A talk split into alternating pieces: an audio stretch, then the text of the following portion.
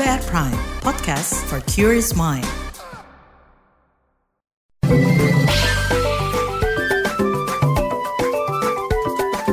WhatsApp Indonesia. WhatsApp Indonesia kita mulai dari Surabaya.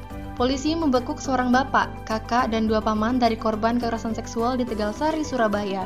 Sebelumnya, seorang siswi SMP berusia 12 tahun menjadi korban kekerasan seksual dari bapak, kakak, dan dua paman. Diketahui sang korban ditinggalkan bersama keempat pelaku saat bibi korban menemani ibunya memeriksakan kondisi stroke ringan ke rumah sakit. Namun selama ditinggalkan, korban mengalami kekerasan seksual. Dikabarkan kondisi korban masih trauma dan ketakutan saat melihat pelaku. Kasus ini terbongkar setelah korban mengadukan kasus kekerasan seksual pada ibunya yang pulang dari rumah sakit. Tak lama berselang, keluarga memutuskan melaporkan pelaku ke kepolisian. Selanjutnya menuju Kalimantan Tengah. Intensitas hujan yang tinggi memicu banjir di satu kota dan lima kabupaten di Provinsi Kalimantan Tengah.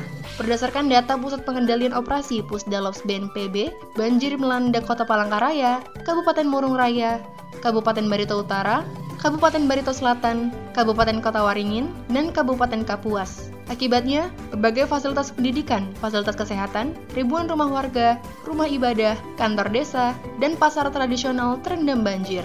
TNI, Polri, dan organisasi masyarakat setempat pun bahu-membahu menangani banjir ini. Namun, potensi risiko banjir sedang hingga tinggi masih ada di Kalimantan Tengah.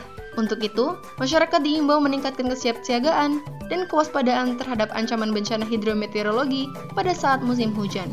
Terakhir, mampir Jayapura, Papua. Dinas Perpustakaan dan Kearsipan Daerah Kota Jayapura mengencarkan pelayanan program Gemar Membaca. Program ini dianggap penting untuk meningkatkan minat baca anak-anak di Jayapura. Dinas dikatakan menambah kunjungan mobil perpustakaan keliling.